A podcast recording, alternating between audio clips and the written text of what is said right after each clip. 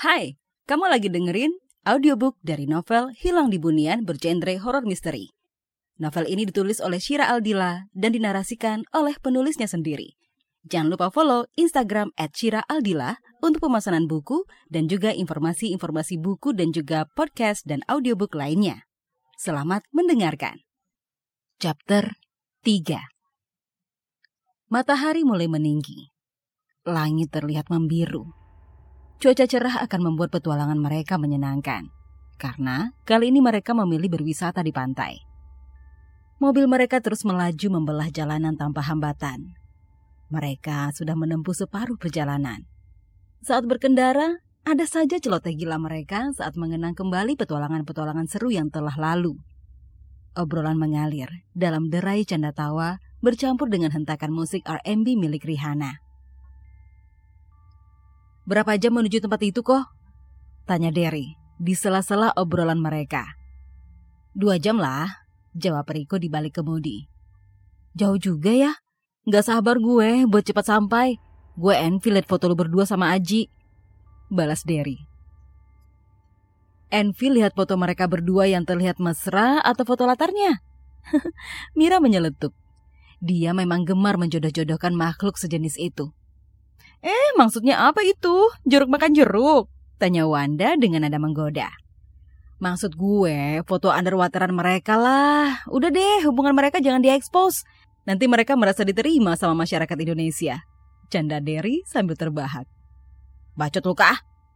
Aji membalas ucapan Derry dengan kesal. Derry tertawa, merasa berhasil mengerjai Aji dan Riko. By the way, kenapa ya kalian bisa ketemu tempat itu? Tanya Mira tiba-tiba di sela-sela obrolan mereka. Gue sama Aji nemenin orang-orang dari dinas kelautan, konversi terumbu karang di kampung Kapo-Kapo. Nggak sengaja kita singgah di pulau itu. Terang Riko. Apa nama pulaunya? Tanya Derry. Pulau Bunian. Mendengar keterangan Riko, Derry membuka ponsel. Menulis nama Pulau Bunian di kolom pencarian Google. Tidak satu jua informasi tentang Pulau Bunian. Nggak ada di Google kok? Tanya Derry heran. Dia terus menggulir layar hingga ke beberapa halaman di laman pencarian itu. Tetap nihil. Masa sih? Atau mungkin kru kapal yang kasih info ke gue salah kali ya? Gue cuma singgah sebentar. Nyelamnya dari kapal. Nggak sampai nginjak pasir pulaunya sih. Terang Riko. Pulau Bunian. Terdengar menyeramkan ya? Apa hubungannya ya pulau itu dengan orang Bunian?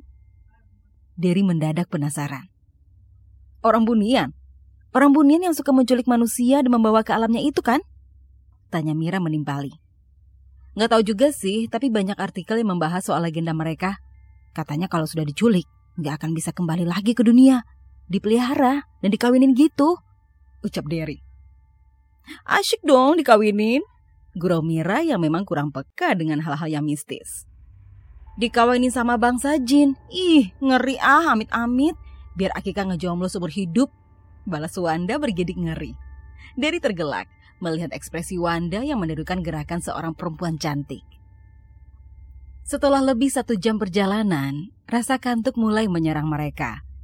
Wanda dan Mira tampak terkulai, hanyut ke alam mimpi.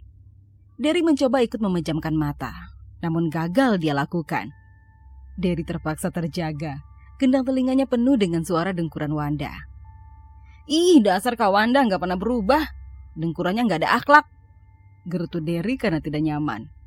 Kenapa, Der? Tanya Riko menatap Derry dari kaca spion kabin mobil. Biasa, ada truk pasir lagi nanjak. Derry menoleh ke arah wajah Wanda yang tertidur pulas dengan mulut menganga. Ngetrip bareng Wanda itu seru, tapi kenyamanan tidur akan sangat terganggu. Pernah dulu waktu pertama ngetrip bareng Wanda, mereka malah terlibat cekcok hanya gara-gara dengkuran.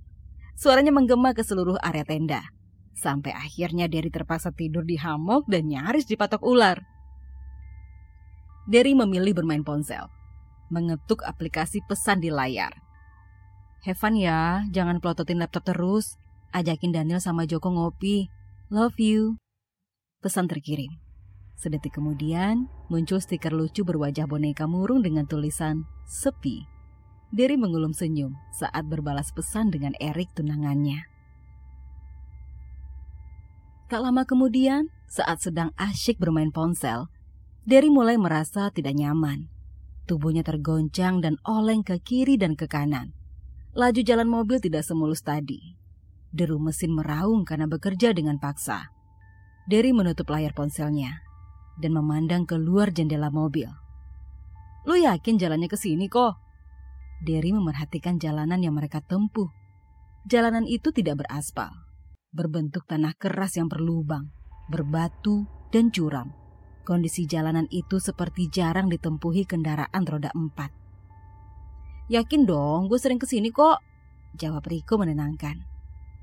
Derry menyandarkan tubuhnya ke sandaran kursi, menatap kembali layar ponselnya untuk kembali berbalas pesan dengan Erik. Namun sayang, mereka sudah memasuki kawasan tak bersinyal. Demikian chapter 3, sampai jumpa di chapter selanjutnya.